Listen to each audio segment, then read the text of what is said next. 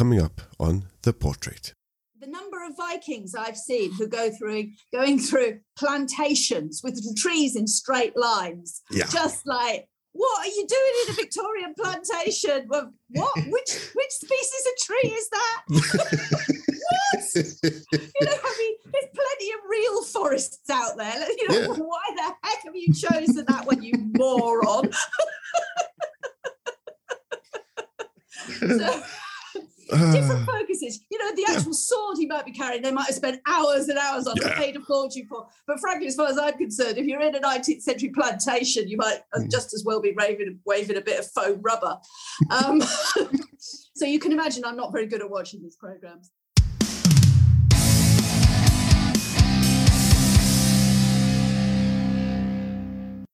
You're listening to The Portrait, a podcast where I interview people who greatly influence and inspire me, who makes me think and helps me better understand the world I'm living in. History is not some static thing, it is rather in a constant state of cyclical change. With everything now going on in the world, especially Russia's aggressive invasion of Ukraine, one can easily understand why a simple podcast episode might not be on the top of most people's list of priorities right now. But I'm also a firm believer in the philosophy that in the darkest of times, one needs a little light and a chance to forget about the world for a little while. My name is Mats Lassiangos, and uh, together with my guest historian Ruth Goodman, will be the voices in your head for the next hour. Ruth was born in Cardiff and specializes in British social history, meaning how the average man and woman lived their lives in the past, with the Tudor period being what she has the greatest passion for.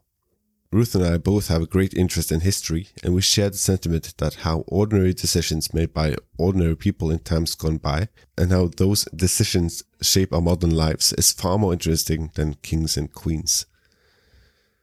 Through her expertise, she's been a consultant for, among others, the Victoria and Albert Museum and on the movie Shakespeare in Love. There's a lot of laughter in this episode, in which we talk about the BBC shows she did together with Alex Langlands and Peter Ginn, chronicling the lives of ordinary people from the Tudor age all the way up to the blitzkrieg of the Second World War. The joys and difficulties of recreating history, how shooting a TV series about the past is far from glamorous, historical misconceptions, and much more. Remember, you can also show your appreciation for the work that goes into each and every episode of The Portrait by supporting The Portrait on Patreon. For as little as £10 a month, you can get access to the episode 24 hours before it's released to the general public. You get to suggest future guests, get your question asked in an episode, and much more. With that out of the way, and uh, with no further ado, here is Ruth. I'm here with Ruth Goodman. She's a historian um, specializing in social and domestic history. And you might know her from various BBC shows, uh, as, uh, dating all the way back from the Tudor era up until uh, the Second World War. Uh, that's just a fraction of what she's done. Uh, we'll get further into that during the course of this conversation. Uh, Ruth Goodman, how are you today? Hello, I'm good, thank you. Thanks for inviting me. We we meet on a, a, drab, cold, grey uh, Wednesday afternoon. Um, how how is uh, how's life and and and the whole COVID situation uh, treating you? Oh. oh gosh, well, it's like everybody, isn't it? You know, Yeah. life gets changed in the oddest of ways. Yeah. One learns to adapt. Yes. it's also a well, I wouldn't necessarily say it's a good thing that we have a, a global pandemic, but uh, at least it means that a lot of people are sitting in front of their computers on Zoom, so that makes my job a little, a little bit easier. um, as I said, uh, you're a historian in social and domestic history, and um, uh, we'll get get into the the uh, what, what most most people might recognize you for for. But uh, how did you get your start in history? What what what was that one moment where you thought this is really interesting? I'll dedicate my life to this. sort of, yes. I married into it. Okay. Um, yeah. it's a strange way to get a career and a, and a Yeah. passion. Um, uh, my husband and I married when we were quite young, and um, he'd done this historical reenactment since he was a kid. I think he started mm. when he was 12. Um, and in the sort of 18 months in which we got serious and got married, um, he didn't do it. So I only knew about it like stories from his childhood, rather like I might have been in the Boy Scouts or something. Mm-hmm. And then a month after we got married, he said, Come on, then, off we go. What? You want me to do what? um, uh, you know, the, the whole concept seemed very strange to me to, to dress up in old clothes and um, go and fight a battle. Never liked the fighting battles bit. I've never liked that. I, I still worry about it as being dangerously close to a glorification of war. Um, but the people were lovely. The mm. people were really lovely, warm and welcoming and interesting, really interesting people. And then somebody suggested we try a living history in which, you know, it's not about war, it's about the rest of life. Mm-hmm. And that was the moment. From that moment in, bang, I was hooked. Straight mm-hmm. down the library, started researching, discovered that the things I wanted to know about were not in the library started having to learn how to find out stuff that wasn't you know on the main shelves mm. teaching myself to research really um, i just got hooked instantly um, and the pair of us have shared it as a passion ever since mm. um, he he sort of eventually more or less left the military behind and we both share real strong interests in the history of food in the history of clothes in the history of ordinary people doing ordinary things mm yeah, it just took over life. What can I say? It just did. It's usually the, case with uh, with um, uh, common passion that uh, usually t- takes up much of your life, but uh, that you're also able to turn into a career. Uh, that's yeah. well, not not everyone are that lucky. it took some time, I'll be honest. People forever saying to me, you know, like, how do I get your job? Hmm. Um, is there a course I can go? What can I say? I worked for almost free for 20 years. I, I mean, I just like slugged my guts out for years and years and years for next to no money. Mm. That's that's how I got my job. well, I had a few questions. Yeah, I figured you went to the traditional route, so to say, with the university. Yeah. And no, doing... I didn't. I mean, I went to university, but I didn't study history. No, okay. so well, some people get into debt and some people do reenactments. Yeah. there are many ways to roam.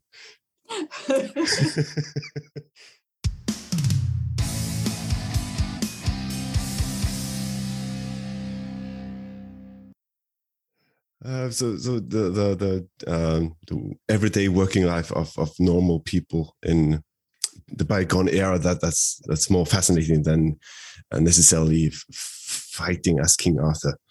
Yeah, yeah, I, I, and I'm not very interested in kings and queens or generals anyway. No. I don't actually think they're as important as people make out. No. I mean, we're all told that these are the people who make history, that it's really important. And I think when you start looking closely, they're more like the scum that rises to the top of a pot. Yeah.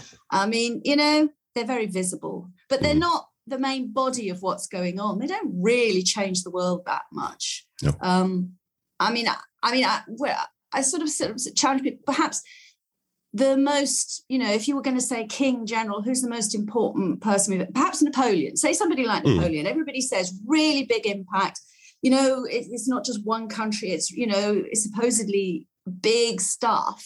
Mm. But you compare that with, for example, the British habit of drinking tea. Yeah. Now, globally, in the long run, it's definitely the tea that's had more impact, isn't yeah. it? Yeah. It really is. and, and, I feel like that about a lot of history. We, we make a big fuss about these big names, these celebrity people from the past. And I honestly think they're overrated. I have to admit, with with all due respect, of course, I, I drink tea a lot often, a lot more often than I think about Lord Nelson, for example. Yeah. you know, entire, you know, the whole world trade system, you know, the, yeah. these things have impact upon people right across the globe, even now, you know, mm. all these years later, and big impacts, not not little tiny friddly around the edges. Yeah. Yeah. Well, I, I I'll suppose it's now too. I'm sorry about yeah. that. I am an addict. uh, continuing stereotypes even through Zoom. Yeah. well, that's good. Um, oh, I find it also a bit fascinating the the the I wouldn't say hypocrisy because that is a very very strong word, but uh, at least here in Norway we we don't have the, the aristocracy, we don't have uh, the, the upper class as you do in the in the UK. So we we usually just had the rich and the rest, uh, and even our king is uh, on informal terms when we are lucky enough to meet him. Um, so we don't necessarily think all that much about uh, that someone someone are better or bigger than us. But at the same time, when the Duke of Edinburgh passed away, I can more or less guarantee you that eight out of ten households were, was watching the funeral. here in Really? Yeah. Gosh, I didn't. okay. My father actually knew him, so you know they worked Oh, together. really? So okay. Huh. Well, uh, w- uh, wasn't thinking about talking too much about your parents, but uh, how did your father know him? Oh, he was. Um, my father was very uh, involved in a lot of the early conservation movement. He was planning officer, and and you know was very excited and interested in countryside management and planning, and you know trying to. In the days before people were saying things like environmental and conservation, you know, way Yeah. back in the seventies and eighties, um, setting up all sorts of structures and working with them. So, and that was something obviously that, that, that the Duke of Edinburgh was also very interested in and passionate about. And they ended up on all sorts of different um, committees and bodies together. yeah. So, so in a sense, you have a link to the British royal family. yeah. yeah. Perhaps not a tangible link, but Mm. a link nonetheless. okay. Huh. Interesting. Um, well, as, uh, uh, uh, uh, as we say, there's this. Um, I think we uh, um, uh, both agree that uh, the lives of normal, normal in air quotes people are more interesting than than kings and queens, um, although they get a lot more attention, of course. Um, and your your your your work, your interest, your your your field of expertise, uh, going back to the uh, the BBC shows, for example. Um, how how did you get involved in that type of? What, what, what is the They journey rang from me the? up out of the blue. I mean, Oh, they need they were making a, a program and they wanted somebody with particular skill sets, and Mm. just there weren't very many of us. okay. it was a very small pool. When they rang me up first, I said no. Uh, and then they tried to find somebody else. They tried me again, and I said no a second time. I, it was on the fifth occasion that they asked that I finally gave in and said, "Yeah, all right, you can have one week in four. Hmm. Because initially they wanted me to go away and live for a year and um, on a farm, and that's fine. But I had a family and I had a business. Yeah. You know, you can't walk away from that. So eventually we compromised. I'd give them one week out of four, um, and and we'd manage it on that. Yeah. Um, yeah.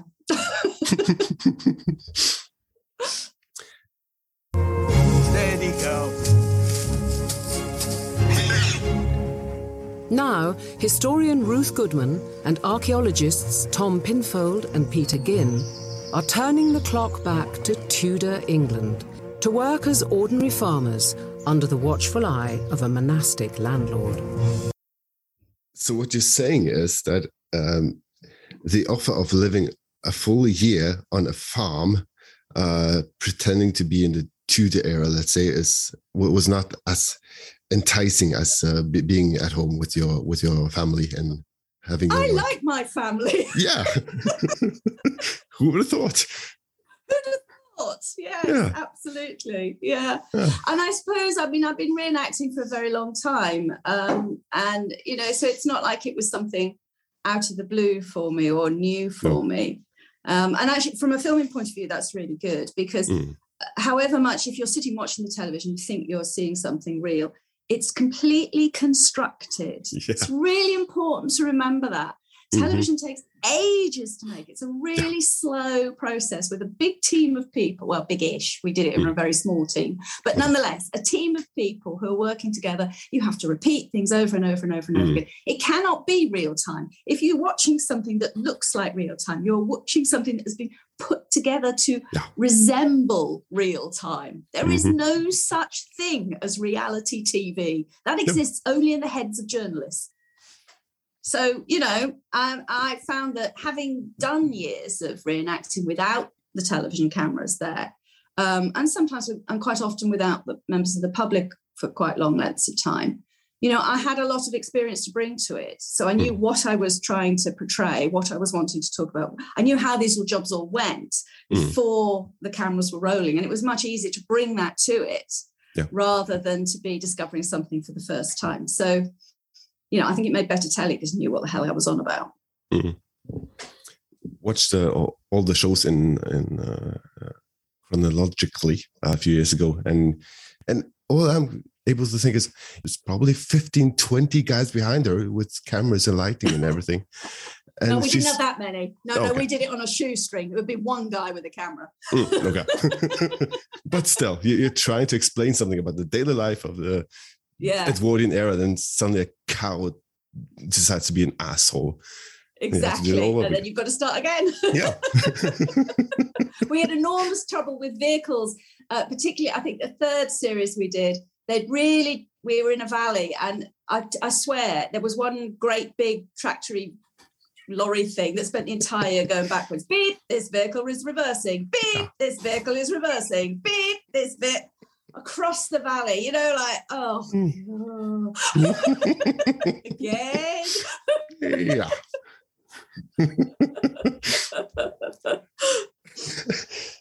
And there you are, just trying to wash the bloody floors.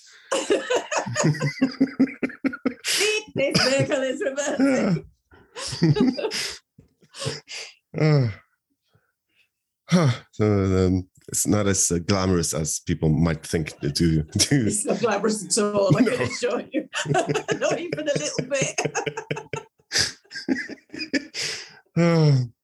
I, you know, I have the largest stock of woolly thermal underwear known to womankind. This freezing filming, because you often don't move very much. You know, As a Oh. lot of it is standing around waiting for the technical stuff to be ready. Hmm. So you'll do a little burst of activity, and then you'll stand, and you might stand for two hours, Yeah. and you're constantly on call. It's not like you can go away and do something because they're not quite Oh. sure when they're going to be ready, when they're going to be, you know. Hmm. So you you stand there. doing nothing, freezing to death. Yeah. Everybody else is running around. No, stay there, stay there, stay there. No, no, Hmm. you know, we don't continuously stay there, stay there. it's all right if you're fully dressed. But I think Yeah. quite a lot of those scenes, I was doing things in my nightie. You know, you stood there bare feet in your nightie, you know, minus six degrees. Everybody else is in their thermals and their hats and their socks, and their, but you're there in a nightie going, come on, can we film this, please? No, sir, the lighting glamorous, isn't right yeah. yet. Ah. so, so ask, uh, ask uh, maybe an obvious follow up question, but uh, what what does then entice you to come back to do do more series of, of the show? because I am passionate about it. I mean, genuinely, I think it's deeply, deeply interesting, and Mm. and I also feel very strongly that because these things don't get talked about a lot, you know, they get a really they get hidden. This is the hidden history, isn't it? It's not Mm. Hidden because it's some sort of glamorous secret hidden. It's hidden No. because people have chosen not to look. They haven't hmm. realized that it was interesting. And I and I really feel very strongly a, a sort of almost like I mean it sounds a bit pretentious really, a bit of a mission Yeah. to just you know spread the word that that you know we all have a history not just the rich and the glamorous. We all have a history and it's important and it's valuable and it is interesting you know? And I, I really just want to spread that word. That's what pulls me back over and over again. And i also find the experiences themselves interesting. They're part of the research process. Um, so you know and when you can read books till the cows come home but Mm. unless you've actually stood there with the cows being Yeah. cold in the field when they you're come home. going to miss some element of it. And Yeah. I find that doing the practical things, it makes you realize what you don't know. Mhm. Like if you're actually doing a job and you suddenly realize that all the books have skipped from, you know, A, B, C, and they've gone straight to G and they've Yeah. missed out D, E, and F. Yeah, Mhm. well, how do I get from there to there? What did they do for this bit? You know, and so then you go back and you do different research because now I'm focused on uh, there's a really strange gap here. Mhm. you know why why Yeah. don't i know this where do i find out how do i approach this problem It- you know it's it's a detective thing and then you you get some little clues from the research and you go back and you try it again and you think oh i'm not sure i've still got this right and you go back and you i find it is it is like being a detective and that's quite exciting Yeah. The, well, the, the good thing about uh, having it documented on on BBC is that uh, well, it's it's there for, for all to see for future generations. Uh, so if if we're were to, to forget about it, then at least we have uh, we have, sort have of you guys record to- yeah yeah. yeah We can, uh, all look, at you freezing in the middle of the night. yeah Yeah, how cold was it in the past very cold yeah very cold. and they had lorries everywhere that was backing up. yeah and always lorries going back. It's so ahead of the time in the Tamar Valley.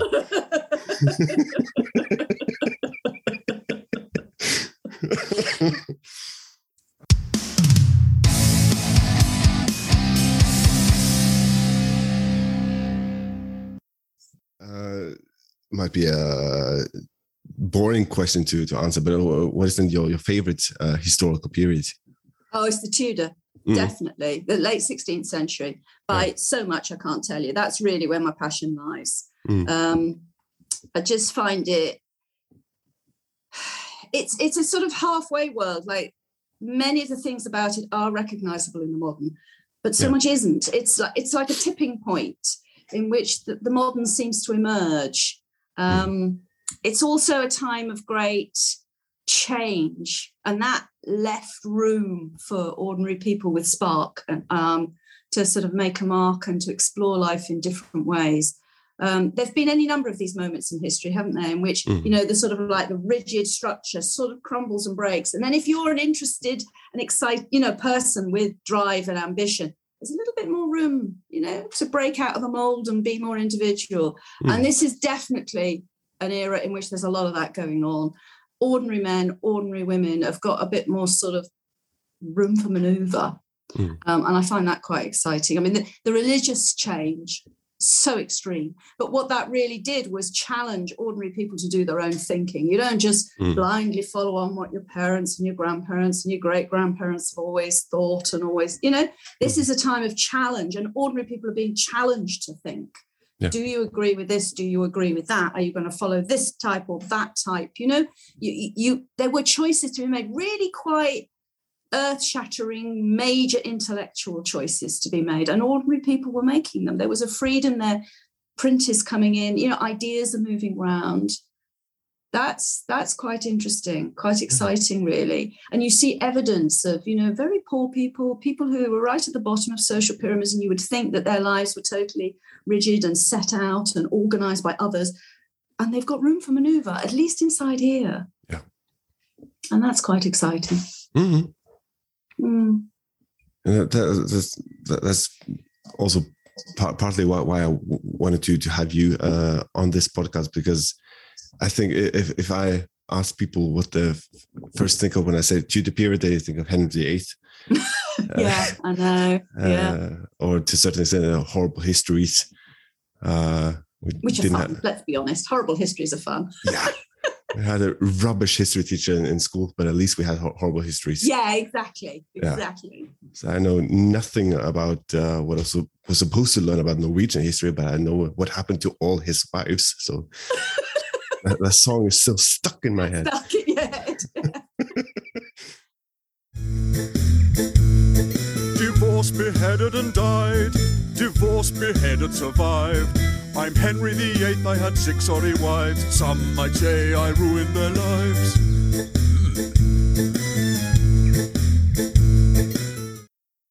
That's uh, what what irks me a bit is that most people think about the kings and the nobility, and uh, if they perchance think of the no- normal working class people, they think of rats and living in filth and fifteen people in one one room, and but th- th- that's that's not necessarily the case.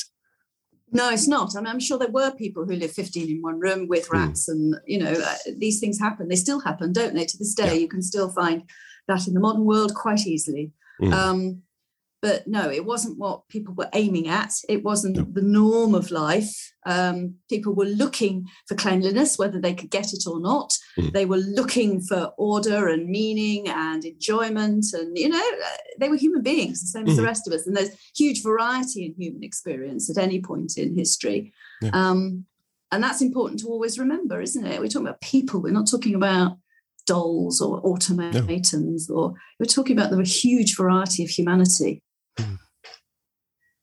Imagine at least that um, most of uh, most of the people living in, in 1600s weren't necessarily think thinking that acutely about what uh, we today uh, might think of them or how we would remember them. Uh, but but uh, we we have this this vast uh, amount of knowledge about them be- because they lived their lives, because they documented everything. They wrote diaries, and we have people like you who, who are uh, passionate about, about telling their stories to, to uh, the new generation and those who might not know about our past. Uh, but uh, how, how do you think then uh, people would look back on us today and the society we live in? Um, gosh, it's hard to know. It depends which way the world goes, doesn't it? If we Yeah. don't sort out the climate, then they're just going to hate us. yeah, I mean, it's as simple as that. They're just going to think we're the most foul, selfish, greedy, unpleasant people of all time. Yeah. Um, and they might have a point. yeah, Um, yeah, who knows? Mm. I mean, if by some miracle we do manage to boot out the idiots and uh, actually do something as opposed to standing there make, with empty hot wind, making promises we're never going to keep, Mhm. um, then then maybe people will look back on us as, a- as a turning point. Gosh, let's Yeah. hope for that, eh? yeah. Fingers crossed. do all you can. yeah. Yeah, that's uh, and, and the, the booting out the idiots is, is sadly uh, universal as well because uh, we don't have to mention names, but I think uh, someone uh, listening to this in Norway or in the UK might know exactly who we're talking about. Mm. Um, so here's hoping we might be remembered for more than just Greta Thunberg. Yeah, Uh, quite. Uh, but then to, to, to flip the question, there, would, would you then, if you had the opportunity, would then go back in time rather than, No, than live? no way, no, No. way. I mean, I've done quite enough of it to know how hard Yeah. it was. I mean, that that's the thing that really comes through. You know, Mm. like I've mentioned the cold. I mean, Yeah. the ability to have central heating in your house is oh, it's so lovely. Yeah. It's so lovely. Um, you know, and even really simple things. We all talk. We all acknowledge that running water is the most amazing thing. But have you Yeah. ever even thought about something as simple as the, the plug and the drain to get rid of it afterwards? Mm. Yeah. It's not just the supply coming in; it's also you know going away you know, world in which you have to take by bucket every single drop of dirty water back out of your house and find somewhere to put it. You know, just take. Yeah, I, the, the the past was inordinately, you know, for those of us in Northern Europe, inordinately cold um, and horribly hard work. I mean, grimly hard, and that's without thinking of disease. No. You know, just grimly hard work. We are so soft. And it's lovely being soft, isn't it? Isn't it Yeah. just great? You know, Yeah. and and you know, look, you and I, we're not in the first flush of youth. I mean, what are the chances if we'd been born in 1600 that we'd be still be alive at this age? You Mm. know, yeah. the the Uh, past is hard, yeah. hard. don't, I don't think my, my chances would be too high of, of uh, reaching 30 in the 1600s. Uh, then uh, at least I would be remembered for the oldest man alive or something. um, no, okay, so you're not going back back in time then. Uh, is there is there one thing from uh, the, the work you've done with the TV series or the, the work out, outside of television uh, so one item or object object from from the past you'd like to bring back into our modern life Object? No, I don't think so. I mean, Mm. I like some of the what I think I would like most is the control over life. Mm. Um, I, I the thing that most one of the things that upsets me most about modern life is the way increasing and um, during my lifetime this has got more and more and more Mm. is how passive the majority of the population are. Yeah. How little control they have over their lives, and they're willing to give it up so easily. Mm. Oh yeah, yeah, yeah, yeah. You can have all my data and know everything about me in exchange for almost nothing. Mm. almost nothing. You're willing to people are willing to settle for very little. Yeah. Um, do as they're told. Oh, you know, and, and adverts are particularly good at telling you what to Mm. do and what to think. Um, you will have these attitudes. You will wear this. You will speak this. You will eat this. You will like this. This is what you will like.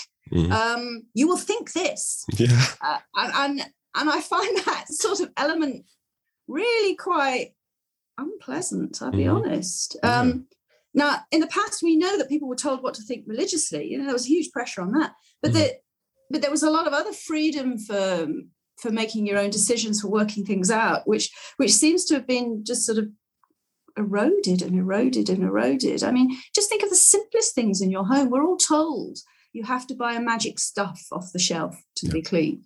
You know, that's the only way to be clean is to buy our magic stuff. Mhm. Magic stuff. Yes, lovely magic stuff. See our magic stuff. One shh and magic. Mhm. Uh, you know, nobody knows what's in this stuff. Nobody knows mm-hmm. why it works or how it works or whether it does work. We're all just told it's magic stuff that we have to have.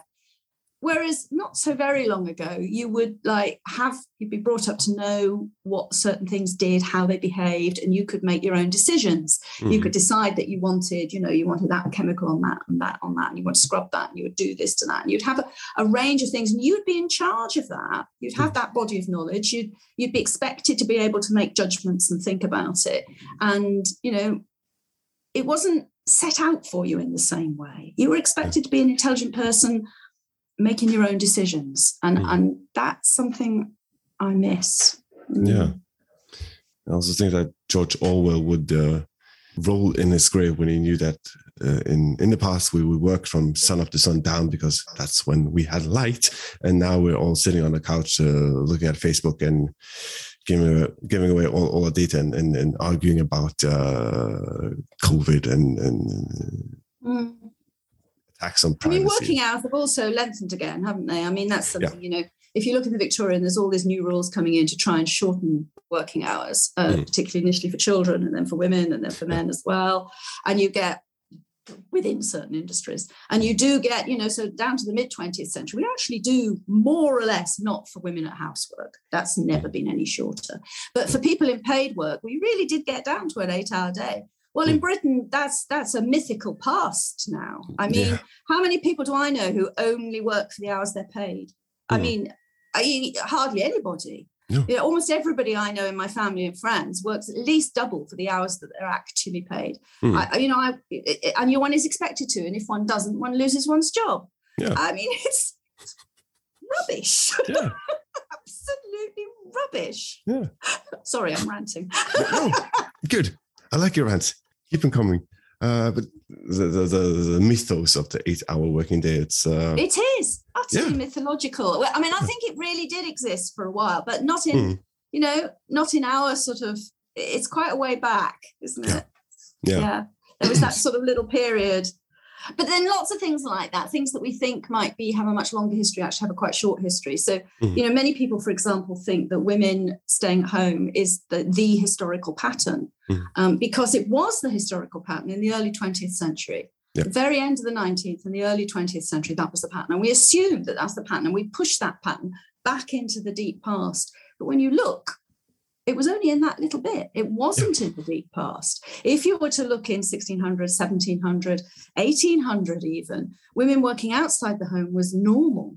Yeah. Um, you know, that's the majority of women had some work outside the home as well as within the home. Mhm. Um, and it's only in this sort of early 20th century bubble that the pattern of the woman in and the man out is Mhm. really sitting there in a full form. Yeah. Um, and I I mean, that's one of the things that's quite interesting about being somebody who is engaged in talking about the past is how often you have to fight against that sort of idea of the Mm. past.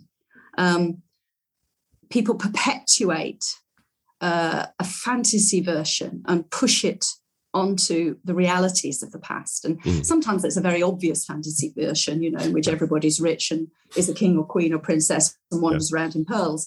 But sometimes, you know, but even the, the, you know, the fantasy idea of the peasant, actually, you mentioned it earlier, the fantasy idea of a peasant who lives in squalor with loads of rats and disease and, Yeah. you know, that is as much a, a modern push on the past Mm. as anything. It's it, it it's it's not really what you find when you look.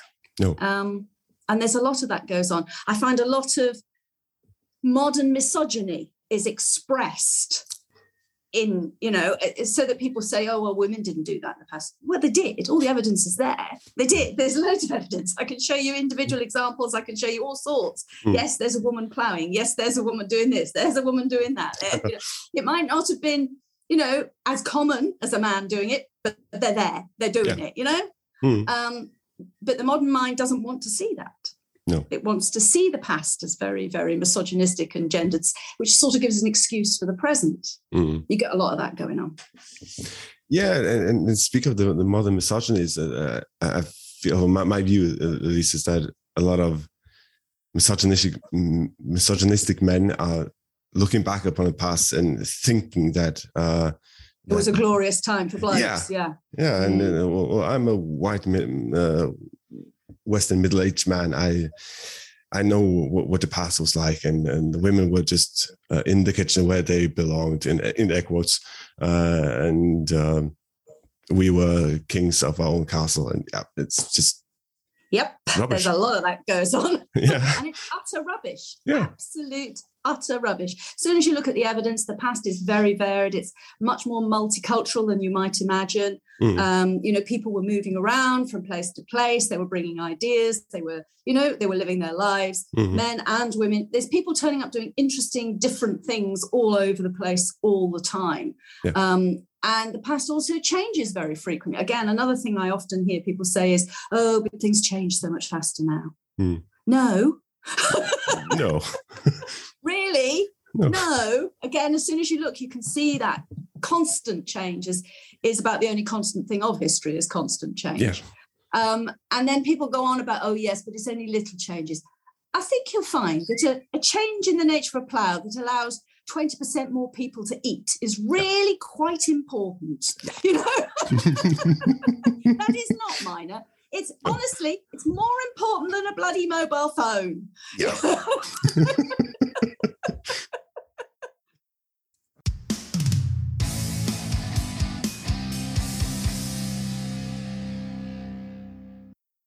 yeah there's a there's a i mean one of the joys of history is sort of like unpicking it it's about Hmm. it is um it's a it's an exploration into a completely different world a different it's like anthropology Yeah. um it's also a bit like space exploration i mean it's sort of like you have to unpick everything you know and really look and really be open to what you're hearing and what you're seeing and what you're feeling even you know when you're Yeah. handling objects and so forth and what emerges is this enormously complex, subtle, ever changing um, world, which, well, you know, it's very, very satisfying in many ways. None of it is simple, none of it's ever cut and dried.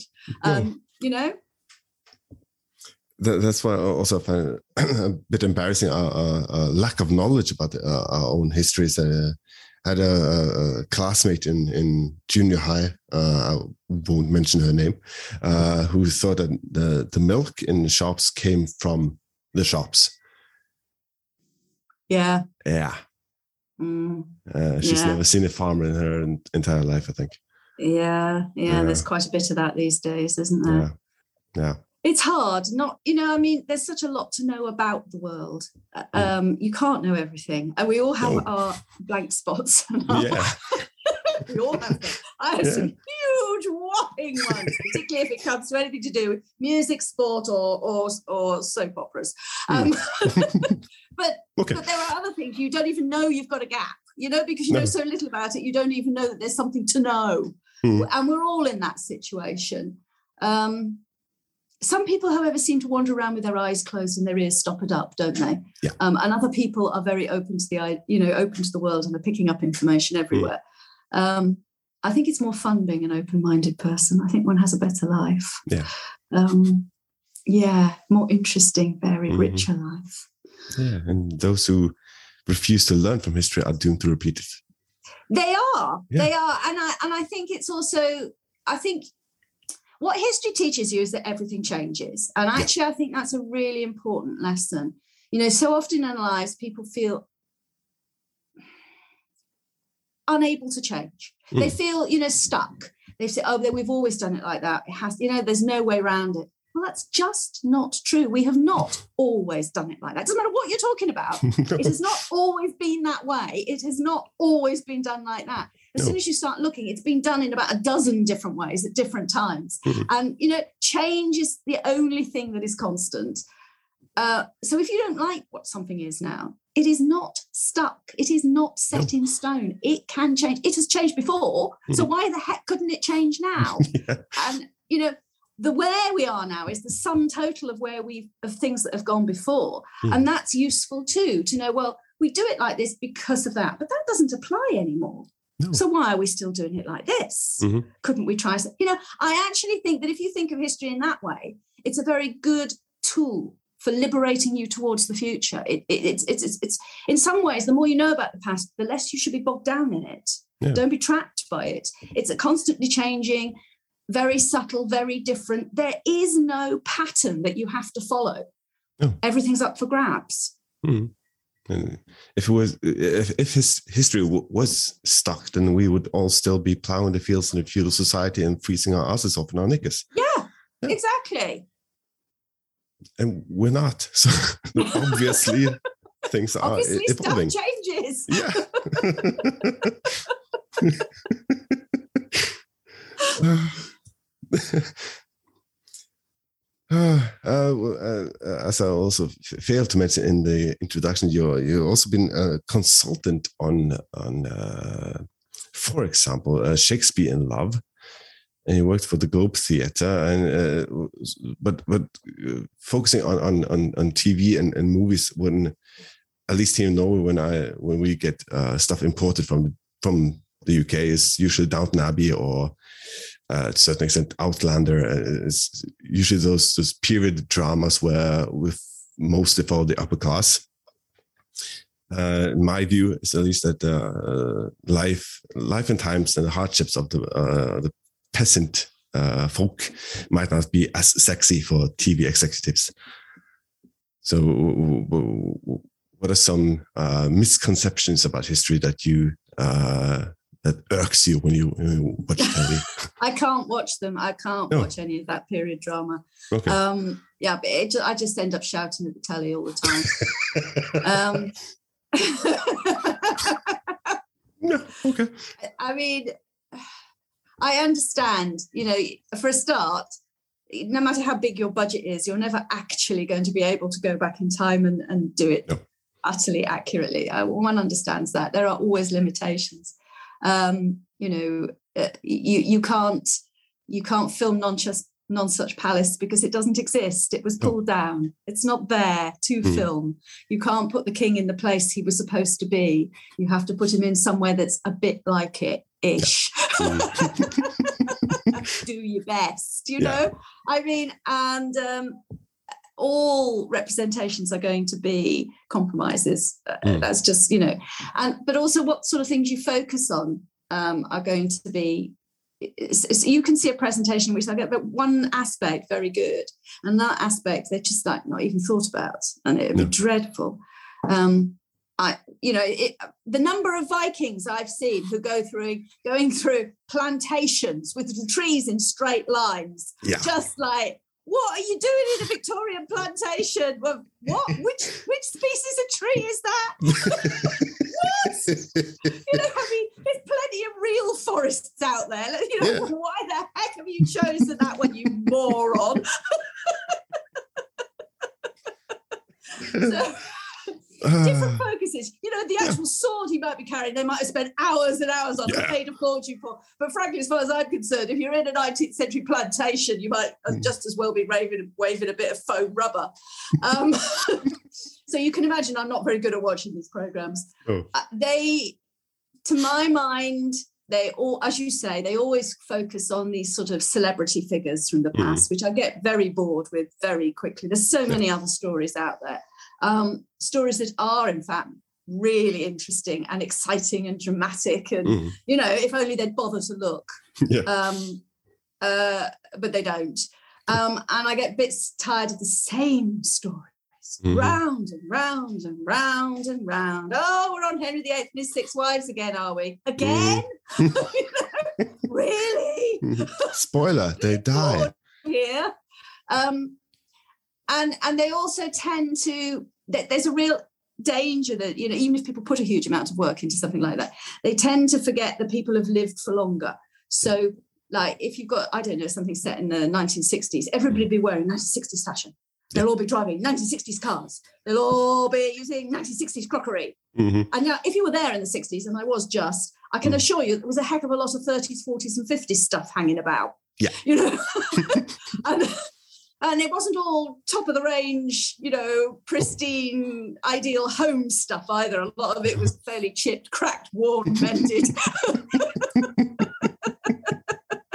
and that sort of, you know, super glossy, utterly curated sort hmm. of vision that you get on screen, that irritates me too. I, I could go hmm. on for hours. I, I could bore you for, I don't know about you running over, I, I could bore you for weeks.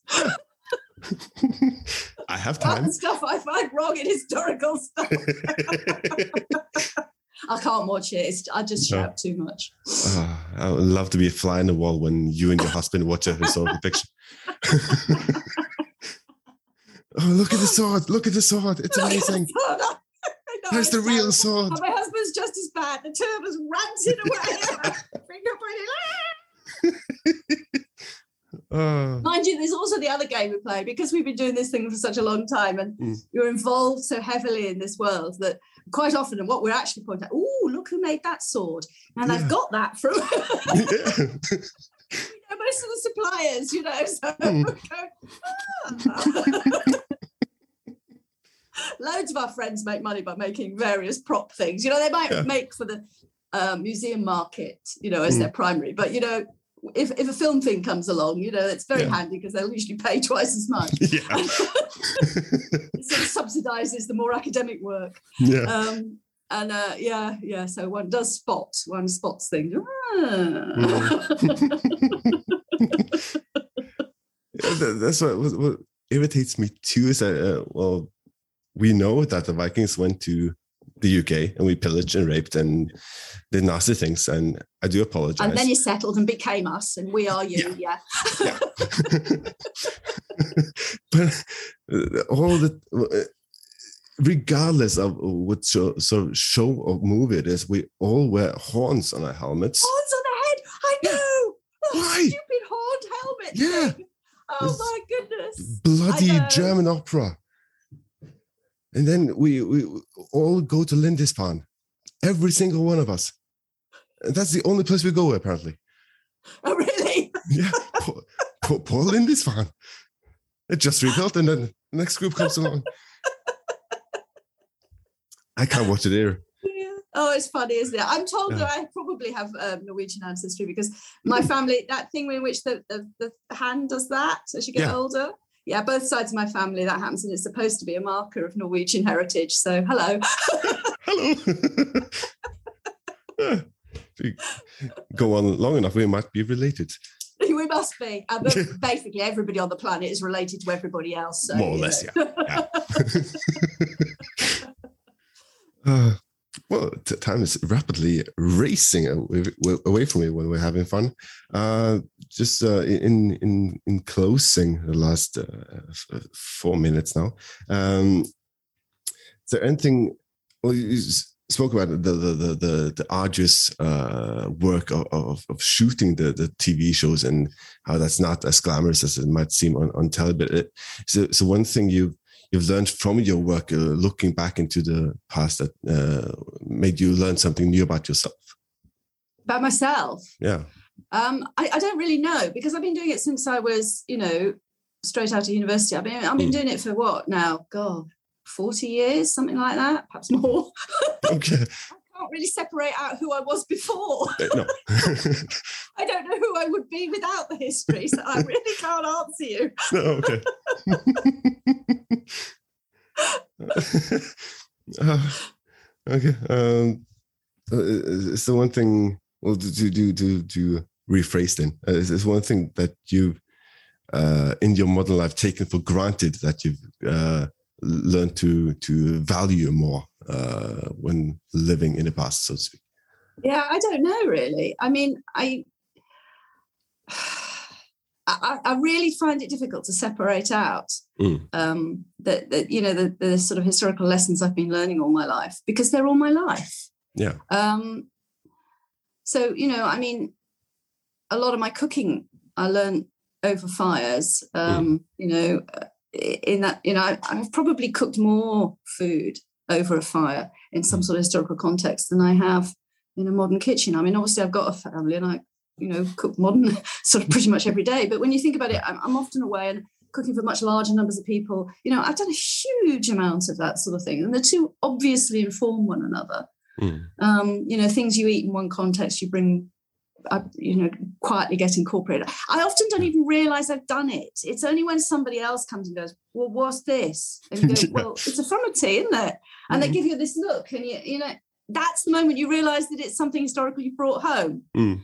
Um, I, I just hadn't really noticed it until somebody else realized, realized that somebody else didn't know what I was on about. yeah. And that happens with my speech. It happens with, you know, the way use tech, definitely the way I use textiles and clothing. That's Mm. that's very different from other people's behaviour Yeah. um, and ideas about textiles and clothing. There's no doubt about it. Uh, it. It really is. I just get brought up short every now and again. Oh, Mm. oh, you didn't. Oh, that isn't common knowledge. Oh, I thought it was. That's your fault, not mine. I mean, when we were at the Globe, that really became obvious when we first. I remember sitting at the very first performance. Was we got involved right at the beginning when the Globe Theatre first opened.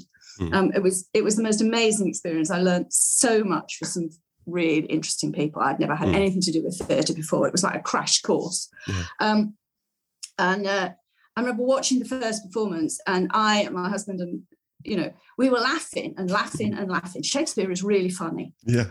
nobody else was.